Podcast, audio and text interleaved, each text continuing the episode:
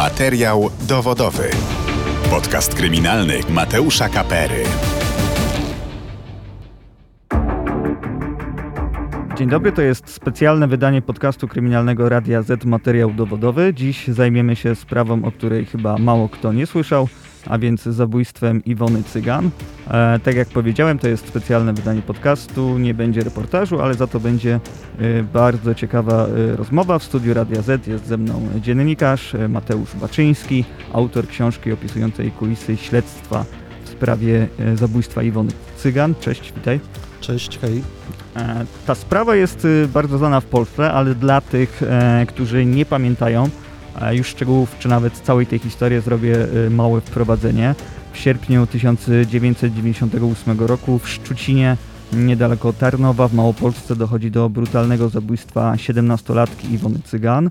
E, Zwłoki dziewczyny zostają znalezione nad rzeką, jej ciało ma mnóstwo obrażeń.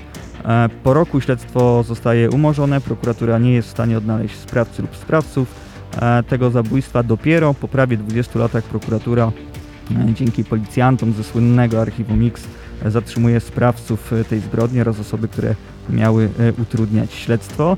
Prokuratura chwali się efektami spektakularnego śledztwa, mówi się o złamaniu zmowy milczenia.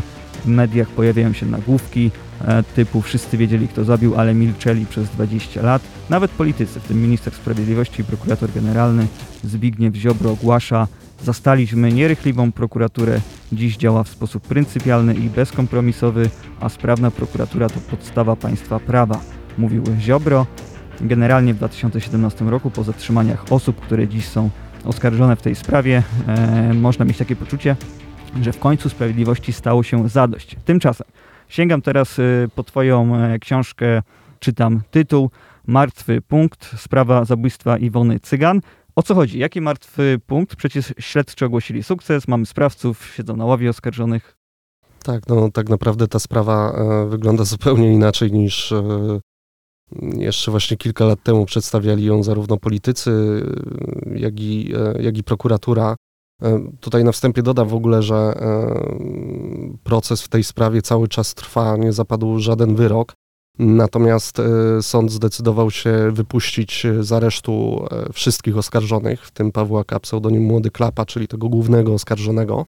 Mm, No tutaj zacytowałeś właśnie tą wypowiedź Zbigniewa Ziobry, który, który chwalił się między innymi mm, tym śledztwem w sprawie Iwony Cygan, a tak naprawdę ta sprawa, no to y, i poniekąd ta książka to jest jeden wielki akt oskarżenia, ale wobec prokuratury i wobec y, policjantów y, z krakowskiego archiwum X, ponieważ no z tych moich ustaleń wynika, że e, to śledztwo było prowadzone w sposób absolutnie skandaliczny i tak naprawdę do dzisiaj nie ma żadnych e, konkretnych dowodów na to, e, że ci, którzy usiedli na ławie oskarżonych, faktycznie są winni. Co więcej, uważam, że ten akt oskarżenia, e, po tej wiedzy, którą nabrałem przez te kilka lat, ten akt oskarżenia to jest po prostu fikcja literacka.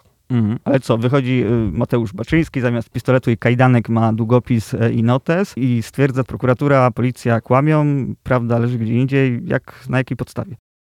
No, to, to może tutaj e, trochę e, powiem o kulisach, chociaż Mhm. w dwóch zdaniach, e, żeby też Państwo mogli je poznać, bo rzeczywiście długo było tak, że e, ja też e, tą wiedzę na temat sprawy zabójstwa Iwony Cygan czerpałem z mediów, z tego, co generalnie przedstawiała prokuratura, z tych wszystkich oficjalnych komunikatów. No też byłem oczywiście tym przerażony, ponieważ no, przedstawiano tą sprawę e, tak, że widzieliśmy właśnie to miasteczko zbrodni, gdzie e, działała jakaś lokalna mafia, lokalne układy, wszyscy milczeli, ci, którzy chcieli e, mówić, e, mm, no to ginęli w tajemniczych okolicznościach i tak dalej, i tak dalej.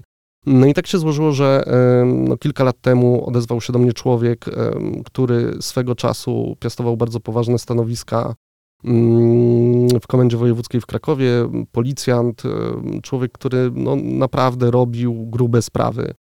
E, No i on mi zaczął opowiadać, że w ogóle z tym archiwum X to nie jest tak pięknie i ładnie, jak się wszystkim e, wydaje, że e, sprawa właśnie Iwony Cygan była prowadzona w sposób mm, straszny i, i że w końcu trzeba o tym powiedzieć prawdę, pon- ponieważ jakby to, co słyszeli do tej pory ludzie, to, to jest jedno wielkie kłamstwo.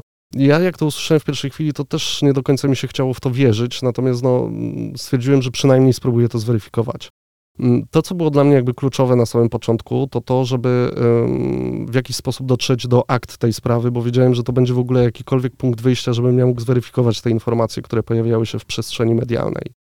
No nie było to łatwe, tych akt nie dostałem oficjalnie z sądu, natomiast udało mi się je dostać e, inną drogą. Tutaj Ale to złożyłeś wniosek i, i go Złożyłem wniosek i go odrzucono. To w sumie dosyć e, zwyczajowa praktyka na takim etapie, kiedy sprawa jest w sądzie, to wtedy najczęściej udostępniają akt, akt oskarżenia. Rzadko się zdarza, żeby udostępniali całość e, akt. Najczęściej robią to w momencie, kiedy sprawa jest y, już zamknięta. No najczęściej to wynika też z takich technicznych względów. Chodzi o to, że te akta jednak są jakoś cały czas y, używane przez, y, przez wiem, sędziów, przez strony i tak dalej. Mm, no więc po prostu, tak jak mówię, no te, te, te akta udało mi się, kopie tych akt oczywiście udało mi się uzyskać w inny sposób.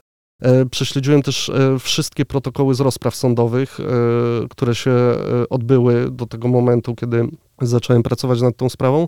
No a potem zacząłem się spotykać z kolejnymi ludźmi, no i właśnie weryfikować te e, informacje. Natomiast sama ta lektura akt, e, tych ponad 160 tomów, no to był już dla mnie szok, bo jakby dopiero wtedy zobaczyłem, że e, ta cała wersja przedstawiona przez akt oskarżenia, przez prokuraturę po prostu kompletnie się nie klei i wiele tych informacji, które się pojawiało, nigdy nie miało miejsca. I tutaj jakby też, żeby Państwu naświetlić tak dla, dla, dla przykładu, no, jakby za zabójstwem Iwony Cygan miało stać właśnie trzech mieszkańców Szczucina, młody Klapa, Paweł K., facet, który na co dzień pracował e, na budowie w Austrii, jego ojciec Józef K., miejscowy handlarz drzewkami, oraz Robert K., czyli e, pseudonim Trabant, właściciel miejscowego baru Trabanta.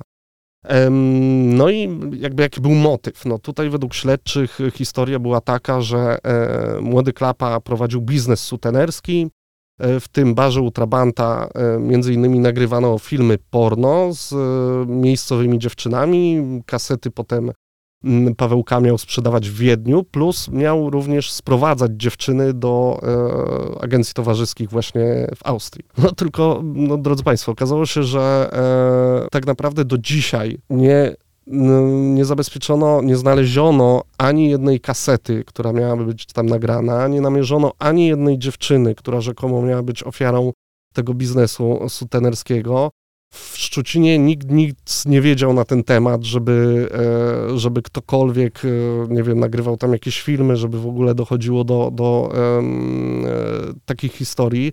Ze strony policji austriackich nie było absolutnie żadnych informacji o tym, a przecież w momencie, kiedy Klapa został zatrzymany, to na pewno takie rzeczy również były weryfikowane, więc nie ustalono, żeby on prowadził jakikolwiek biznes sutenerski. A już y, pomijam fakt, to jest dla mnie już też taka kropka nad i, że w momencie, kiedy doszło do zabójstwa Iwony Cygan, Paweł K. mieszkał w Wiedniu dopiero od miesiąca, bo on wcześniej mieszkał i pracował w Grecji, więc no, kiedy on miał ten cały biznes sutenerski prowadzić? Znaczy w ciągu tego jednego miesiąca, gdzie był może raz albo dwa razy w Polsce, jakby no to się kompletnie tutaj e, nie kleiło. I takich Czy to jest jeden z takich najważniejszych e, mhm. powodów, dlaczego e, młody Klapa miałby tego nie zrobić, tak? Bo go po prostu nie było na miejscu znaczy to, zdarzenia prawdopodobnie. To, to, to, jest jakby kolejna kwestia, tak? No bo tutaj odniosłem się akurat do takiej e, jakby... No właśnie to jest problem, że taka historia pojawiała się w mediach, E, tutaj o tym biznesie sutenerskim, no bo tutaj pojawiał się ten motyw, że rzekomo być może chcieli również e, Iwonę Cygan wywieźć do tej Austrii, e, ona się gdzieś tam sprzeciwiła, dlatego ją zabili i tak dalej. Natomiast jakby ten cały motyw i ta cała historia nie pojawiła się nawet w akcie oskarżenia. Ona się pojawiła w mediach na zasadzie takiego wypuszczenia jakiejś takiej informacji przez prokuraturę, ale prokuratura nie znalazła absolutnie żadnych dowodów na to i nigdy w ogóle jakby nie mieli zarzutów dotyczących prowadzenia jakiegokolwiek biznesu sutenerskiego. To po co w ogóle Natomiast, to było? E, no, to jest dobre pytanie. To jest bardzo dobre pytanie. Ja szczerze powiedziawszy, ciężko mi zrozumieć, dlaczego, e, dlaczego takie informacje były wypuszczane do mediów. Być może to była taka taktyka, że jeżeli, nie wiem, powiedzmy śledczy coś takiego zakładali, to że jeżeli wypuszczą taką informację do mediów, to być może po, na przykład zgłoszą się poszkodowane kobiety, tak, które, które były ofiarą takiego biznesu. No, ja za, zakładam dość szlachetną intencję w takim razie, ale no, nie do końca mam pewność, czy taka była. E, natomiast e, jeżeli chodzi o samego właśnie e, Pawła K., młodego Klapę, no to rzeczywiście jakby, jakie jest jego alibi, bo moim zdaniem jest dość wiarygodne. Dlatego, że Iwona została zamordowana w nocy z 13 na 14 sierpnia 1998 roku. Wiadomo, że 13 sierpnia Paweł K., młody Klapa, był jeszcze w Wiedniu, pracował na budowie. I on twierdził, że dotarł do Szczucina dopiero 14 sierpnia około 4 rano, czyli już po zabójstwie Iwony Cygan. I e, rzeczywiście potwierdzili tą jego wersję, potwierdziło trzech mieszkańców Szczucina, których wówczas, którzy wówczas jechali razem z nim autem z Wiednia do Szczucina, plus, co bardzo istotne, potwierdził to również jego austriacki pracodawca, który dysponował dokumentami, z których jasno wynikało, że tego dnia, 13 sierpnia, po pracy wypłacał y, młodemu klapie pieniądze. A to, jak sam zeznał w trakcie rozprawy ekstra, y, podczas ekstradycji, oznaczało, że skończył pracę na tej budowie między godziną 18 a 19. Czyli załóżmy nawet, że skończył tą pracę, nie wiem, no 18.30, tak? Pewnie poszedł do domu, nie wiem, wykąpał się, przebrał, no pewnie nie, nie wyszedł z budowy i nie wsiadł od razu do auta, no więc powiedzmy, że wyjechał o godzinie 19.30 z Wiednia do Szczucina, czyli to jest ponad 600 kilometrów. Wtedy były jeszcze, Polska nie była w Unii Europejskiej, więc dochodziły kontrole graniczne. Więc naprawdę bardzo małe, małe prawdopodobne jest to, że o godzinie 20, 21.30 byłby już na rynku w Szczucinie, a o tej godzinie według śledczych Iwona Cygan jej przyjaciółka miały wsiąść do samochodu młodego klapy. No, mhm. tu się jakby to e, kompletnie nie klei. Czyli, bo ty to mhm. wiesz e, z lektury akt, tak, prawda? Tak, Czyli się. no, logiczne jest to, że to samo też muszą wiedzieć, e, musi wiedzieć prokurator mhm. e, i policjanci pracujący przy tym, więc no, na czym oni opierają ten akt oskarżenia? Jak, na, mhm. na, tym, na tym, co przed chwilą powiedziałeś? Oni oparli e, cały akt oskarżenia na zeznaniach jednego człowieka, czyli e, Leszka W. To jest były policjant ze Szczucina, który tamtej, e, tamtego wieczora patrolował Szczucin razem ze, z innym policjantem Grzegorzem J. No i Leszek W. rzeczywiście e, pierwszy raz jak zeznawał, to było bodaj w 2010 chyba roku, e, no powiedział, że no patrolował Szczucin, nic go nie zainteresowało, nic się nie wydarzyło. Nagle po kilku latach właśnie opowiedział historię wręcz niewiarygodną, czyli że w trakcie patrolu, jak był na rynku, widział jak Iwona i Renata, czyli przyjaciółka Iwony, wsiadają do auta e, młodego klapy, starego klapy i trabanta. Mm, potem miał widzieć też, jak e, młody klapa wyprowadza z baru trabanta pobitą e, Iwonę Cygan. To było właśnie, miało być koło północy. Jak się czyta te jego zeznania, to mm, one już na tym etapie, że tak powiem, były bardzo kłopotliwe, dlatego że on tą wersję, ja tak opowiadam wersję finalną, dlatego że on w trakcie tego samego zeznania kilka razy w ogóle zmieniał różne szczegóły tej historii, no ale w każdym razie uznano go za wiarygodnego. Problem był taki, że e, tuż po tym, kiedy oni go zatrzymali, to e, żona poinformowała e, śledczych, że Leszek W., żona Leszka W., poinformowała, że jej, jej mąż od lat leczy się psychiatrycznie, że jest poważnie zaburzony, że od lat opowiada różne niestworzone historie z udziałem między innymi członków rodziny, i że jest po prostu osobą kompletnie e, niewiarygodną. E, jego rzeczywiście poddano badaniom przez biegłych psychiatrów. Biegli psychiatrzy uznali, że rzeczywiście no, ma problemy, ale że generalnie no, można go uznać za wiarygodnego. E, problem w tym, że zeznania Leszka W. kompletnie nie zgadzały się z zeznaniami innych świadków tamtych zdarzeń, dlatego że tutaj też dla Państwa wyjaśnienia, tego wieczora, e, kiedy zginęła Iwona, ona była w miejscowej knajpie razem ze swoją przyjaciółką Renatą. I potem z Renatą, według zeznań właśnie tej przyjaciółki Renaty, miały się rozstać na rynku. Po czym Renata miała pójść e, Aleją Wolności w stronę swojego domu, a Iwona Cygan ulicą Rudnickiego w stronę swojego domu. Według Leszka e, W. tak się nie stało, ponieważ według niego zarówno Renata, jak i Iwona wsiadły do auta młodego klapy. Sęk w tym, że tak. Są zeznania e, mieszkańca Szczucina, który mieszkał na rynku i widział, jak dziewczyny się rozstają. Widział e, Renatę idącą samotnie aleją pokoju. Potem widziała Renatę ciotka z balkonu, która tam chyba stała, paliła papierosa. Potem siostra Renaty też powiedziała, że Renata wróciła, położyła się spać. Są zeznania innego mieszkańca Szczucina, który widział ze swojego okna, jak Iwona Cygan idzie samotnie ulicą Rudnickiego. Są zeznania dwóch nastolatek, które widziały, jak dziewczyny się rozstają na tym rynku, więc to już tutaj się nie zgadza. No kolejna kwestia, która też tak bardzo poruszała opinię publiczną, no to ta opowieść Leszka W., że widział, jak e, młody Klapa wyprowadza na oczach tłumu ludzi, mieszkańców Szczucina, wyprowadza e, pobitą Iwonę Cygan z baru. No tylko tutaj znowu zaczynają się problemy z tą, z tą historią, ponieważ e, no po pierwsze bar Ultrabanta był zamykany o godzinie 23 i rzeczywiście barmani też potwierdzili, E, że tego wieczora zamknęli bar o 23 i po prostu stamtąd wyszli. Do dzisiaj prokuratura nie ustaliła ani jednego mieszkańca, ani jednego świadka, który miał widzieć, jak Iwona jest y, wyprowadzana, tak? Mhm. No ale y, Czyli... wiemy, że, mhm. że była zmowa milczenia, bo tak się tą sprawę przedstawiało, tak? No to może dlatego. Znaczy, właśnie to jest kolejny problem, to znaczy jakby ta cała zmowa milczenia też jest wymysł prokuratury, to znaczy ja mam takie wrażenie, że ta zmowa milczenia to jest właśnie, to było takie alibi e, na każdym etapie dla Archiwum X i dla prokuratury. To, to znaczy za każdym razem, kiedy pojawiały się zeznania, które burzyły ich teorie, to oni to tłumaczyli tym, że e, ktoś coś zataił, ponieważ e, jest zmowa milczenia i boi się zemsty młodego Klapy i Trabanta. W ogóle przedstawiono taką wersję, że młody Klapa i Trabant właśnie trzęśli nie tylko całym Szczucinem, ale przecież i policjanci z Dobrowy Tarnowskiej mieli mataczyć i prokuratorzy, prokuratorzy wszyscy się po prostu bali młodego Klapy i Trabanta.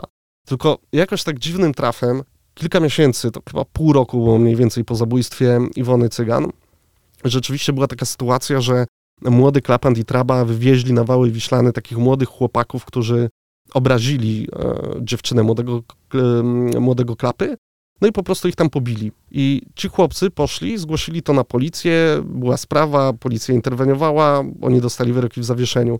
I to jest, przyznam, dosyć dziwne, że e, biorąc pod uwagę tą historię, że cały Szczucin, Dąbrowa Tarnowska, w ogóle cały region e, bał się tego handlarza drzewkami i tego gościa pracującego na budowie, a kilku jakichś młodych chłopaszków, e, którzy po prostu dostali po gębach od nich, nie mieli problemu z tym, żeby pójść zgłosić to na policję, policja nie miała problemu z tym, żeby im zatrzymać i tak dalej, i tak dalej.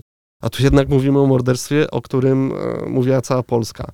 Poza tym, jak się czyta te akta i widzi się te relacje poszczególne, to ja kompletnie nie odnosiłem takiego wrażenia, że tam się ktoś czegoś bał. Znaczy, jakby w momencie, kiedy pojawił się w ogóle wątek klapy i trabanta, to ludzie bardzo chętnie na ten temat y, o nich opowiadali, zeznawali i tak dalej. Stąd też potem oczywiście już było też takie perpetuum mobile, to znaczy e, pojawiały się plotki, bo ludzie o tym gadali, dokładali do tego jakieś historie, potem coś się pojawiło w mediach, więc ludzie przychodzili na przesłuchanie, powtarzali to, co usłyszeli w mediach, tylko że potem jak się e, próbowało odsiać te plotki, to nagle okazywało się, że no właśnie na poparcie tych różnych historii nie ma e, żadnych, e, żadnych argumentów. Na przykład bardzo często pojawia się takie stwierdzenie, że mówiło się o czymś tam. E, albo że ktoś coś do kogoś mówił. Tylko potem, jak się chciało zweryfikować, e, do kogo było coś tam powiedziane, to nagle się okazywało, że nie wiadomo. Mhm. No ale śledczy muszą być też e, świadomi tego, tak? Mhm. Że widzą, że, że kolejni ludzie jakby no, nie mówią tego, co widzieli, tego, co gdzieś zasłyszeli, że to się wszystko nie klei, zaczyna się rozpadać. To dlaczego cały czas drążą, idą w kierunku e, młodego klapy i starego klapy? pytasz mnie o motywy działania i to jest e, tak naprawdę e, moim zdaniem trochę zadanie dla psychoanalityka. To znaczy, ja uważam, że taką takim głównym czarnym bohaterem e, tej całej historii, też mojej książki, jest były już, a ówczesny szef Archiwum Mix, e, czyli pan Bogdan Michalec.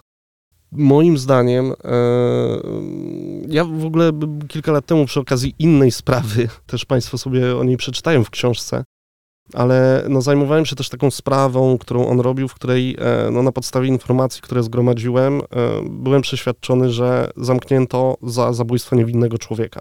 Inna historia zupełnie. I wtedy ja e, spotkałem się z Bogdanem Michalcem na taki dłuższy wywiad. W książce też publikuję całą moją nieautoryzowaną rozmowę z nim, ponieważ e, komenda wojewódzka e, nie chciała się zgodzić na to, żebym opublikował ją w całości, ale stwierdziłem, że no, w tym wypadku wymaga tego interes społeczny, ponieważ to pokazuje, w jaki sposób szef Archiwum X myśli. W każdym razie, ta rozmowa była dla mnie szokująca. Dlatego, że szef Archiwum X opowiadał mi o tym, że on umie czytać w myślach, że yy, tudzież w emocjach, że on po prostu ma jakiś wewnętrzny wariograf w sobie, wie kto mówi prawdę, wie kto kłamie, że w ogóle on nie lubi sprawy, w których są dowody, ponieważ generalnie dowody i ślady kryminalne, to kryminalistyczne to prowadzą na manowce, podważał to, to, jakby, to mówi osoba, która mm, no, pracuje w policji, a, a wydaje się, jakby to mówiła osoba, która, nie wiem, nie lubi policji i nie, ma to, tak, złe tak, zdanie. Dla mnie najbardziej taki, taki szokujący moment tego wywiadu był w momencie, kiedy ja do niego mówię, no dobrze, ale wie pan, e, dlaczego nie zweryfikował pan tego, tego i tego? Bo to by mogło oznaczać, że gość jest niewinny. Dlaczego pan tego nie sprawdził? A on mi na to odpowiedział, no bo to by oznaczało, że się pomyliłem. Mówię, aha, okej, okay. no to rzeczywiście mm, bardzo, bardzo moralne i, i motywacja bardzo szlachetna. E, poza tym mówił o tym, że e, nadmiar dowodów szkodzi. Tak, że, że człowiek nie może być zlewem niepewności i tak Ale dalej. Ale to brzmi jakby on że, żartował, tak? No bo to mówi policja. Znaczy on to mówi, tak, to, to, to, mówi facet, który zajmował się no, bardzo dużymi, ważnymi sprawami, które miał wpływ na życie bardzo wielu ludzi. No i do tego wszystkiego dobrał się e, w duecie z prokuratorem Piotrem Krupińskim, czyli szefem Małopolskiej Prokuratury Krajowej, który jest postacią również niezwykle kontrowersyjną. No i cóż, ja mam wrażenie, że oni po prostu poszli po trupach do celu. To znaczy uznali, że założyli sobie jakąś e, tezę, i postanowili ją udowodnić bez względu na wszystko. E, nie patrząc na e, okoliczności, na to, że to się nie klei, że po prostu jakby są dowody, które podważają ich, e, ich tezę, oni na to wszystko nie patrzyli, tylko po prostu poszli za tym, tak jakby zależało im na tym, że kogoś trzeba za tą sprawę zatrzymać, kogoś trzeba zamknąć, chcemy osiągnąć sukces i zrobimy to bez względu na wszystko. Ja mam takie poczucie po, po, po kilku latach zajmowania się tą sprawą. A jednocześnie są to ludzie, którzy no, bardzo dbają o swój wizerunek i o swój PR. W związku z tym też jakby przy okazji chociażby tej sprawy brylowali w mediach, opowiadali te wszystkie historie, które potem, tak jak mówię, okazywało się, że nie mają pokrycia w rzeczywistości. Bogdan Michalec zresztą nie tak dawno zeznawał w sprawie Iwony Cygan przed sądem i on tak naprawdę de facto przyznał, że nie ma dowodów na większość e, test stawianych przez nich e, w akcie oskarżenia i powiedział to zupełnie wprost. A e, w momencie, kiedy zapytano go, no dobrze, ale na, na, na, podstawie czego, czego zatrzymaliście młodego klapę, starego klapę i tak dalej, a on mówi, że no w zasadzie to tam dowody materialne to jego mało interesują, bo on szuka śladów na duszy. I, I w zasadzie zrobił to na podstawie tych śladów na duszy. No, brzmi Ciekaw to, jestem tak, tak, reakcji tak, no, sędziego na takie słowa, no bo tak, no, śladów no, na duszy. Tak, tak, to, to, też przytaczam tutaj w tej książce, bo, bo sędzia między innymi zapytał o to, czy są jacyś w świecie nauki przedstawiciele tych teorii, które on opowiadał, no przyznał, że nie, ale stwierdził, że jest zainteresowany wśród młodzieży prawniczej. Nie, no jakby to wszystko brzmi śmiesznie i, i, i pewnie można by to było uznać, że to jest groteskowe, gdyby nie to, że cierpią na tym zwykli ludzie. Dla mnie przypomina mi się takie zdanie wypowiedziane przez jednego e, policjantów z dochodzeniówki, ponieważ to też Państwo mogą przeczytać w książce. Tam był taki etap, że sprawę przejęła dochodzeniówka z Komendy Wojewódzkiej w Krakowie. Oni mieli zupełnie inną hipotezę, zupełnie innego podejrzanego i zupełnie inną teorię na temat tej sprawy, zresztą bardzo ciekawą, ale ta sprawa została im na pewnym etapie odebrana. Mm, a jaką mieli hipotezę, to, to tak jak mówię, to już nie będę opowiadał, mogą Państwo o tym przeczytać w książce, ale w każdym razie jeden z tych policjantów tej dochodzeniówki powiedział do mnie takie zdanie, to już nie jest e, tragedia jednej rodziny, która straciła córkę, tylko to jest tragedia wielu rodzin, którym przez tą sprawę zniszczono życie. I ja uważam, że dokładnie tak było w tej sprawie. No tak, bo jeszcze na ławie oskarżonych e, jest e, najlepsza, była przyjaciółka mhm e, Iwony, która e, z tego co pamiętam, to opisałeś w książce, chyba wpadła nawet e, w depresję, tak? Mhm. A to też tuż po narodzinach jej dziecka trafiła do aresztu, nie miała też kontaktu z dzieckiem, no to dla matki to jest olbrzymia tragedia, ile dziecka. Tak, no to, to, to też jest w ogóle jakby z jej perspektywy straszna historia, dlatego że ona tak naprawdę od samego początku zeznaje ciągle to samo, tak? To znaczy ona mówi, że były z Iwoną na piwie, po czym rozstały się E, na rynku i e, Renata już więcej Iwony żywej nie widziała. Natomiast na podstawie tych historii opowiedzianych przez Leszka W., historii, z których on sam się wycofał, dodajmy, e, suma summarum, postawiono jej zarzuty składania fałszywych zeznań. I tylko na tej podstawie e, trzymano ją kilka miesięcy w areszcie. Rzeczywiście to był taki moment, kiedy ona była młodą matką, ona zaczęła cierpieć na depresję, nie miała żadnego kontaktu z rodziną. E, I w ogóle tak naprawdę ta cała sprawa trwa do, dla niej już 25 lat, tak? O, ja też pamiętam, jak się z nią spotkałem, z nią rozmawiałem na ten temat.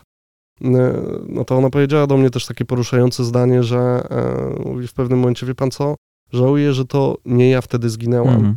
Bo gdybym ja zginęła, to nie musiałem przez to wszystko przechodzić. Ja wiem, że, że, że to zdanie brzmi też no, pewnie dla wielu może być oburzające, ale ale jakby rzeczywiście zobaczyłem osobę, która, która jest tym wszystkim wykończona. To znaczy, gdyby rzeczywiście e, mia, miała, nie wiem, inną wersję tej historii do opowiedzenia, to ja myślę, że dla świętego spokoju by to zrobiła. To znaczy, jakby, jakby nie ma tak naprawdę też racjonalnego powodu, dla którego ona miałaby w tej sprawie kłamać, tak? Znaczy, no bo po co? Znaczy, dlaczego ona miałaby kogoś chronić w tej sprawie? Dlaczego miałaby chronić, nie wiem, młodego klapę czy trabanta. To byli dla niej prawie obcy ludzie, bo tam była różnica spora wieku między nimi. No jakby tutaj nie ma żadnego sensownego uzasadnienia na to. I tak jak mówię, jest iluś świadków, którzy potwierdzają, że ona do tego domu wróciła. A mimo to dzisiaj siedzi na ławie oskarżonych.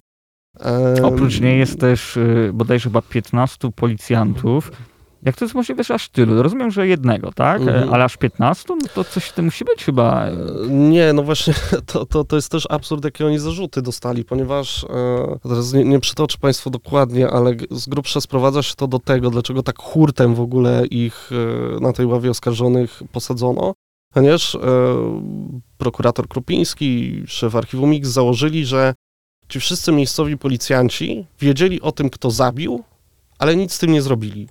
I w zasadzie to jest dla nich podstawą do tego, żeby posadzić ich na ławie oskarżonych. Um, to w sumie z... równie dobrze pół Szczecina powinno Tak, pół Szczecina powinno pójść siedzieć. Trzymając się tej wersji prokuratury, że wszyscy tak. wiedzieli. Skoro wiedzieli wszyscy, no to wszyscy powinni pójść siedzieć. No tam do, doszło już w ogóle do takich absurdów, że między innymi na ławie oskarżonych siedzi e, policjant, który w momencie, kiedy doszło do zabójstwa Iwony Cygan, to był w technikum i, w ogóle nie był policjantem, więc e, no, to są już w ogóle totalnie, totalnie absurdalne historie. Rozmawiałem też e, tuż przed wywiadem ze znajomą, która jest z okolic e, Szczucina i ona powiedziała takie zdanie, że odkąd jej pamięć sięga, zawsze mówiło się w kontekście sprawców tego zabójstwa o młodym klapie. Skąd w ogóle w śledztwie kiedy y, padło na, na młodego mhm. klapę? Tak naprawdę y, w momencie, kiedy zaczęło się to śledztwo, to y, ono szło bardzo szeroko, że tak powiem. To znaczy, no mogą Państwo sobie wyobrazić, że w takiej małej miejscowości, gdzie też jakby ten obieg informacji jest taki specyficzny, jak czytałem w ogóle te akta, to Rzeczywiście nawet rodzina Iwony wskazywała jako tych potencjalnych zabójców na początku mnóstwo różnych osób, łącznie z instruktorem jazdy Iwony i tak dalej, więc ci ludzie byli weryfikowani. Mm, rzeczywiście o młodym klapie jako pierwszy powiedział tam jeden z mieszkańców Szczucina, że może być w to wszystko zamieszany. Więc rzeczywiście y, on też, y, przynajmniej według relacji policja, bo w ogóle sprawę nie prowadzi, samej sprawy samego śledztwa, bo to jest też dosyć ważne, nie prowadzili policjanci ze Szczucina, tylko prowadzili policjanci z Dąbrowy Tarnowskiej, a więc to jakby nie do końca było tak, że to się wszystko tylko tak w tym własnym sosie mieliło. No więc z relacji e, tych policjantów z Dąbrowy Tarnowskiej też wynika, że po prostu młodego klapę też jakoś tam sprawdzono, przeszukano jego dom i tak dalej, nic nie znaleziono. No ale że rzeczywiście plotka na temat udziału e, młodego Klapy krążyła po Szczucinie jako jedna z wielu, bo rzeczywiście tych e, plotek było sporo. Zwłaszcza, że też no, młody Klapa był taką osobą w tamtym czasie e, no, znaną rzeczywiście też z tego, że jak przyjeżdża z tego, z tego Wiednia, no to po prostu lubi się napić, potrafi się z kimś wdać w bójkę, no generalnie taki troublemaker, można powiedzieć, więc to często się od razu takie, nasuwa coś takiego, że taka osoba może być w coś takiego zamieszana. Natomiast jakby mówienie o tym, że, e, znaczy nie wiem też ile lat ma ta osoba, z którą rozmawiałeś. Wiesz co, w momencie, kiedy... Właśnie inaczej, ona ma teraz około 30 lat, no to...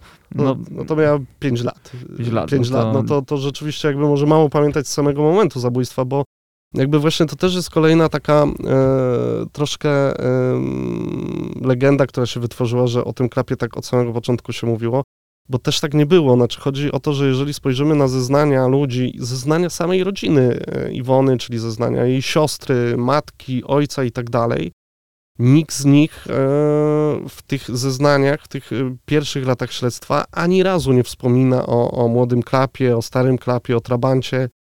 Ta, tak naprawdę ta teoria z nimi, tak na dobre, pojawia się jakieś 10 lat później ponieważ to jest ta teoria, y, która staje się wiodącą w momencie, kiedy, szef, y, kiedy sprawę przejmuje Archiwum X.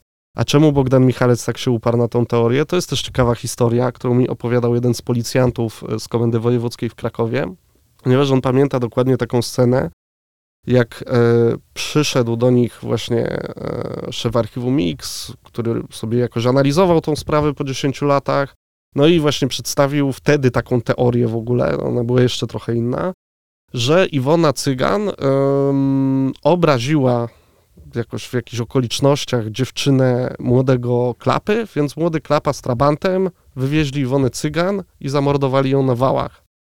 Dokładnie tak jak pół roku później pobili tych chłopaków też na wałach, a przecież sprawca zawsze wraca w to samo miejsce. Więc to było takie założenie e, szefa archiwum X i tak naprawdę to stanowiło e, w ogóle cały punkt wyjścia, tak, dla niego do tej historii. Natomiast to wcale nie było tak, jak się prześledzi mm, te zeznania i te relacje, że e, przychodzili różni ludzie i mówili, tak, młody klapa, młody... Nie, zupełnie nie. To było tak, że tak naprawdę, jak to zwykle bywa w takich e, śledztwach, był straszny szum informacyjny, tak, bo jeden przychodził i mówił, no, Iwona miała tam chłopaka, rzucał nazwisko, i kiedyś widziałem ich, jak byli na wałach, tak? No, a Iwona miała tam jakiegoś kolegę, on taki podejrzany typ i tak dalej, może on jest zamieszany. A może ktoś inny zeznał, że widział Iwonę gdzieś tam z kimś tam, albo jak gdzieś tam jechał jakimś autem. Zawsze w takich sprawach jest tak, że, że, że tych podejrzanych na samym początku to jest strasznie dużo. Natomiast no nie ma co ukrywać, że y, y, y, jakby też wciąż moim zdaniem jest kilka wątków, które w tej sprawie nie zostały do końca zweryfikowane. I co ciekawe, na przykład jeden z tych wątków dotyczy męża, wówczas partnera siostry Iwony, mhm. czyli pana Szczepana K. A to jest powód, dla którego rodzina no, krytykuje cię za, za twoje teksty, za twoją, też krytykuje książkę, która mm, powstała. Wiesz co, myślę, że to jest troszkę inaczej, to znaczy jakby głównie, głównie rzeczywiście tutaj atakuje mnie pani Janeta, czyli e, siostra Iwony. Ja się z panią Anetą spotkałem rzeczywiście i, i, i rozmawiałem z nią. Ja odnoszę szczerze powiedziawszy takie wrażenie, bo ja też nie chcę nie chcę atakować e, w żaden sposób rodziny, bo ja wiem, że rodzina swoje przeszła i, i, i że to są emocje. Natomiast jakby życie i doświadczenie też uczy mnie tego w pracy przy takich tematach, że oczywiście z rodziną zawsze trzeba rozmawiać, ale że zawsze trzeba bardzo mocno weryfikować to, co mówią, bo, bo oni nie myślą racjonalnie, myślą emocjami, to jest zupełnie, zupełnie normalne. Mm, tak się rzeczywiście składa, nawet jak się śledzi te akta i te zeznania, chociażby e, właśnie pani Anety, która była aktywna w tej, w tej sprawie. Pani Aneta zaczęła w swoich zeznaniach mówić o młodym klapie i, i, i, i trabancie, jakoś tak w momencie, kiedy sprawą właśnie e, zajęło się Archiwum X, czyli de facto 10 lat po, po morderstwie. Mm, moim zdaniem e, to jest też tak, że, że rodzina chciałaby w swojej głowie jakoś zamknąć tą sprawę.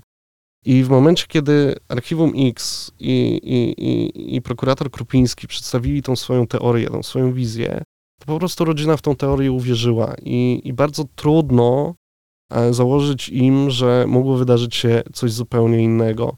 To jest mniej więcej tak, jak mm, możemy to zaobserwować przy sprawie Tomasza Komendy.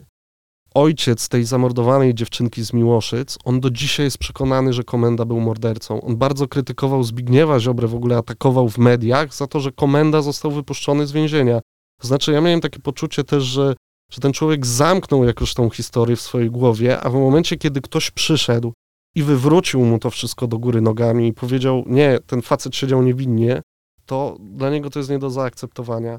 I tym bardziej, że w sprawie Iwony Cygan jakby e, e, obalasz tą teorię prokuratury, mm, no i też nie pojawia się dla rodziny jakaś nadzieja, okej, okay, no to nie młody Klapa mhm. i stary Klapa i Trabant, tylko ktoś inny, tak? Wiesz co, no nie do końca, to znaczy ja jakby w tej książce też przedstawiam e, dwa, moim zdaniem, takie najbardziej prawdopodobne i takie najciekawsze, e, moim zdaniem, wątki inne niż ta teoria przedstawiona przez prokuraturę i wątki, które moim zdaniem przez śledczych powinny zostać zbadane.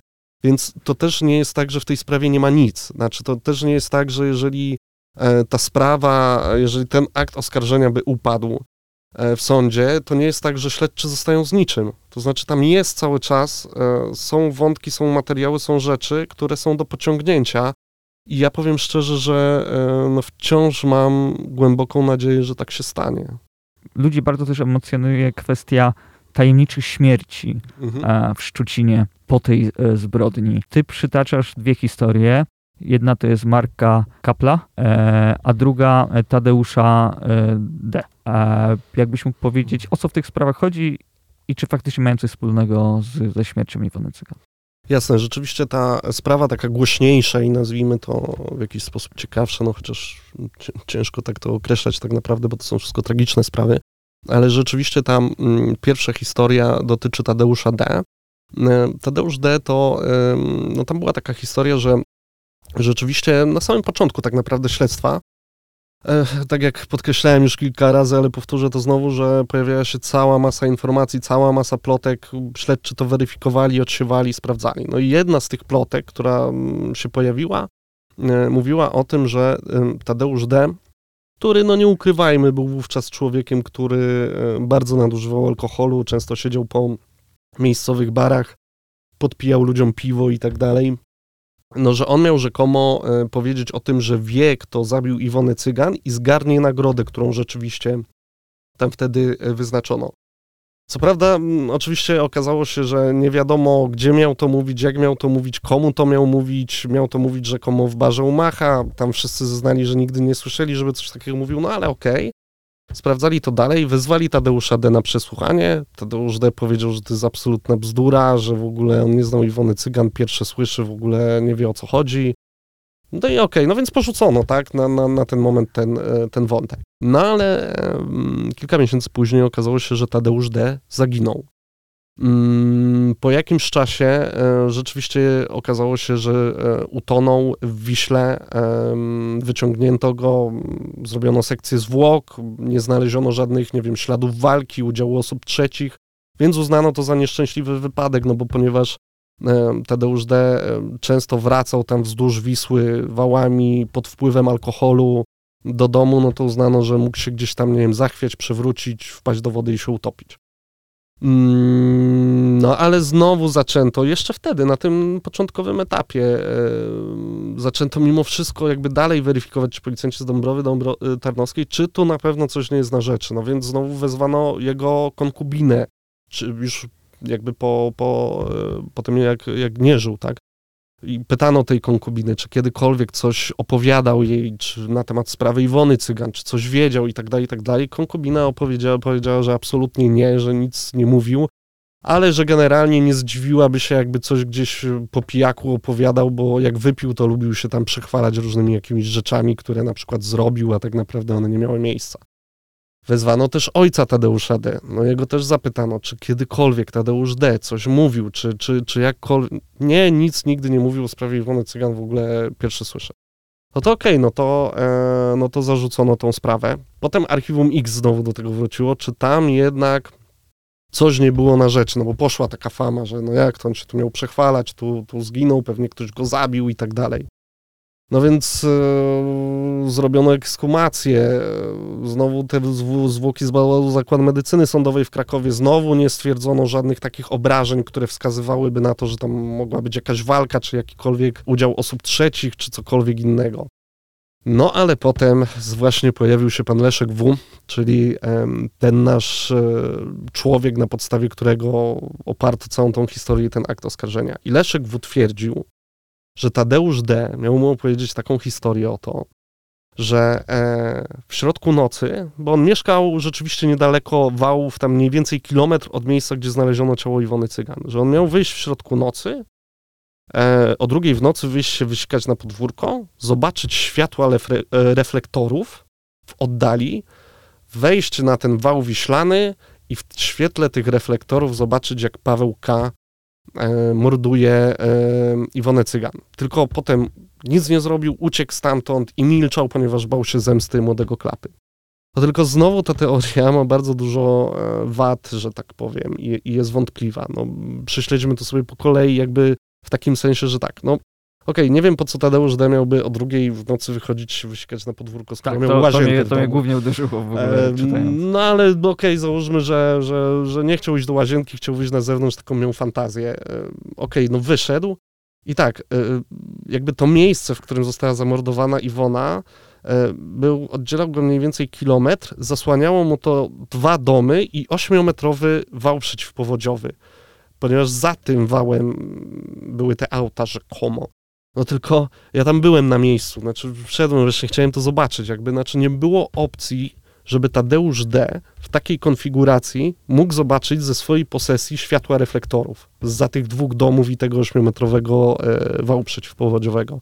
Kolejna rzecz, która jest niekonsekwentna bardzo w tej historii, no to z jednej strony Leszek Może wszystkiego nie, nie opowiadaj, tak, żeby no, też tak, ludzie tak, żeby nie, nie, tak, no, tak, tak, tak, to, to, to, to, mogą Państwo jakby dalej przeczytać w tej książce, bo rzeczywiście ten wątek Tadeusza D. zapewniam, że opowiedziałem go może w niewielkim procencie, bo tam potem jest mnóstwo jeszcze historii wokół tego, poszukiwanie łódki, z której miał być zrzucone, inne różne rzeczy. Polecam Państwu, bo to rzeczywiście jest ciekawa historia. To w takim razie mega szybko sprawa Marka -hmm. Kapla. Mm, rzeczywiście śmierć bardzo dziwna. Mm, dlatego, że no, Marek Kapel został znaleziony w taki sposób, po prostu na ulicy jego głowa była e, przygnieciona takim betonowym przęsłem pochodzącym z płotu, który, który tam był obok. No i znowu ta sama historia, tak? Czyli znowu sekcja, ekshumacje i tak dalej, nic nie wykazało, nie wiadomo o co chodzi. Hmm, hipotezy były różne, tak? Na, na, pewno on miał, już nie pamiętam, on miał chyba ze 2,5 promila, czy tam jakoś tak, jak wracał, bo wracał generalnie z jakiejś knajpy. Rzeczywiście, ja widziałem też zdjęcia płotu z tamtego okresu, one były w opłakanym stanie, więc były takie teorie, że chciał tam przejść jakoś przez dziurę w tym płocie, gdzieś tam sobie, nie wiem, czy skrócić drogę, czy gdzieś przejść, że po prostu to przęsło się oderwało i, i, i mu spadło na głowę. Czy to jest prawda? Nie mam zielonego pojęcia. Natomiast faktem jest to, że nie ma absolutnie żadnych dowodów, które łączyłyby te sprawy w jakikolwiek sposób ze sprawą Iwony Cygan. To znaczy, e, nie wiem, nie ma żadnych świadków, którzy by e, słyszeli, że nie wiem, Marek Kapel w jakikolwiek sposób mówił, że coś wiedział, nie wiedział i tak dalej. Poza tym to było już na takim etapie, kiedy jakby już ta sprawa i ci, ten, ten młody klapa i tak dalej, oni już byli podejrzeni, podejrzani, tak? Czyli jakby no, jakby nie wiadomo za bardzo, co Marek Kapel miałby o tej sprawie wiedzieć, nie wiedzieć, mówić komuś. No znowu jakby tak naprawdę mm, to jest trochę na takiej zasadzie, że o, jest jakieś, jakaś dziwna śmierć, to na pewno ma związek z zabójstwem Iwony Cygan. Znaczy, no, na takiej zasadzie to sobie bardzo dużo rzeczy możemy. No właśnie, bo tych śmierci w ogóle też było dużo więcej, a w książce opisujesz tylko te dwa przypadki. No, ale jakie jeszcze były? E, właśnie ludzi gdzieś, którzy byli w Grecji, e, mieszkali, zrzucili się z Akropolu, jakieś takie właśnie bardzo dziwne historie, które często są gdzieś tam były w mediach przytaczane jako potwierdzenie tego, że sprawcy cały czas działają w Szczucinie i, i zabijają ludzi, którzy mogą mieć Wiesz coś co, wspólnego. Znaczy, słuchaj, powiem ci, że jeżeli coś takiego się pojawiało, to te historie musiały być już tak odjechane, że nawet Krupiński z Michalcem się nimi nie zajmowali. Dlatego, że e, o tych dwóch śmierciach wspominam i piszę o nich, bo one są o tyle istotne, że rzeczywiście śledczy łączyli je z tym, że mogą mieć związek ze sprawą zabójstwa cygan i oba te śledztwa były przez nich wznawiane, to znaczy i sprawa e, Tadeusza D. i sprawa Marka Kapla. Więc to były jakby te dwie historie, które przez, e, mówię, nawet przez Archiwum Mix i przez Krupińskiego zostały uznane za, za takie, które przynajmniej trzeba sprawdzić. Natomiast y, inne historie, nie wiem, no tam rzeczywiście coś się kiedyś prze, przewijało, że, że tam jakiś mieszkaniec Szczucina, tak, który pracował w Grecji, że tam popełnił jakieś samobójstwo, no ale jakby no znowu, tak, jakby no, no jeżeli ktoś popełnił jakieś samobójstwo, jakiś człowiek, który pochodził z tamtych stron, pracując w Grecji, no to no okej, okay, no ale to znowu jest, no tak, jak to się łączy z Iwoną Cygan. Ktoś znaczy, no zginął bo... w wypadku samochodowym tak, i, no to, i to, to, jest, to, to jest, łączyło. Tak, no to jest jednak jakby 25 lat, tak, no to... Ludzie umierają, tak? Ludzie umierają w różnych okolicznościach. Jakby rzeczywiście ta śmierć, ta, tak jak mówię, no ta śmierć Tadeusza D. i Marka Kapla, no to rzeczywiście były takie E, śmierci, no, które mogą budzić jakieś wątpliwości, które warto sprawdzić i tak dalej. Natomiast no, jeżeli pojawiały się jeszcze jakieś inne historie, bo ktoś, nie wiem, właśnie e, gdzieś tam popełnił samobójstwo, no to no ale tam już w ogóle musiało nie być żadnych, że tak powiem, linków wiążących to ze sprawą Iwony Cygan. To znaczy, tak jak mówię, no nawet przez y, tych śledczych inne, inne rzekome tajemnicze śmierci nie były badane. Mhm. Na koniec krótko o procesie, bo cały czas toczy się mhm. proces w sprawie zabójstwa Iwony Cygan w sądzie w Rzeszowie. Śledzisz ten proces? Co tam się dzieje? Tak, tak, tak. Ja ten e, proces yy, cały czas śledzę. Znaczy, przepraszam, tak jeszcze dosłownie na sekundę mhm. wrócę do tamtych żeby też Państwo y, mieli jasność, bo ja nie twierdzę, że na przykład Marek Kapel nie został zamordowany. Być może został zamordowany. Co prawda, no, ktoś musiał mieć dużą odwagę, żeby przy, no w miarę przynajmniej dzisiaj ruchliwej, ruchliwej ulicy, bo też tam byłem, zabić kogoś przęsłem od płotu, które ważyło na tyle dużo, że przynajmniej dwie osoby by je musiały podnieść. Ale okej, okay, no wszystko jest możliwe, tak? Więc ja nie przeczę, że być może rzeczywiście ym, Marek Kapel został zamordowany, ale w takim razie no, y, przydałoby się śledztwo, z którego by wynikało, czy został, bo przecież ktoś mógł też zostać, nie wiem, zamordowany z innego powodu, mogło się to łączyć z inną sprawą, no różne są jakby historie. Natomiast zakładanie z automatu, że każda śmierć człowieka w Szczucinie, która, y, nie wiem, właśnie z wypadkiem samochodowym albo, albo czymś innym, jest związana ze sprawą sprzed 25 lat, no to mówię, no to jest... To jest obłęd już trochę. To jest, to jest już trochę obłęd. Mm, natomiast wracając do Twojego pytania dotyczącego procesu, no proces rzeczywiście też dość mocno toczy się nie pomyśli prokuratury i, i Archiwum ponieważ no ciągle tam wychodzą jakieś nowe kwiatki, ja też najważniejsze z nich opisuję w tej książce. Tak dla przykładu na szybko, no nie tak dawno była sytuacja dość skandaliczna, ponieważ jeden z, ze świadków incognito zrezygnował z tego statusu, ujawnił się, i powiedział, że tak naprawdę jego słowa zostały przez prokuratora zmanipulowane, zmienione, a w momencie, kiedy on przyszedł i chciał te zeznania sprostować, to jakby do tego nie dopuszczono. E, I, a to były zeznania człowieka, na podstawie którego w dużej mierze posadzono na ławie oskarżonych większość z tych policjantów.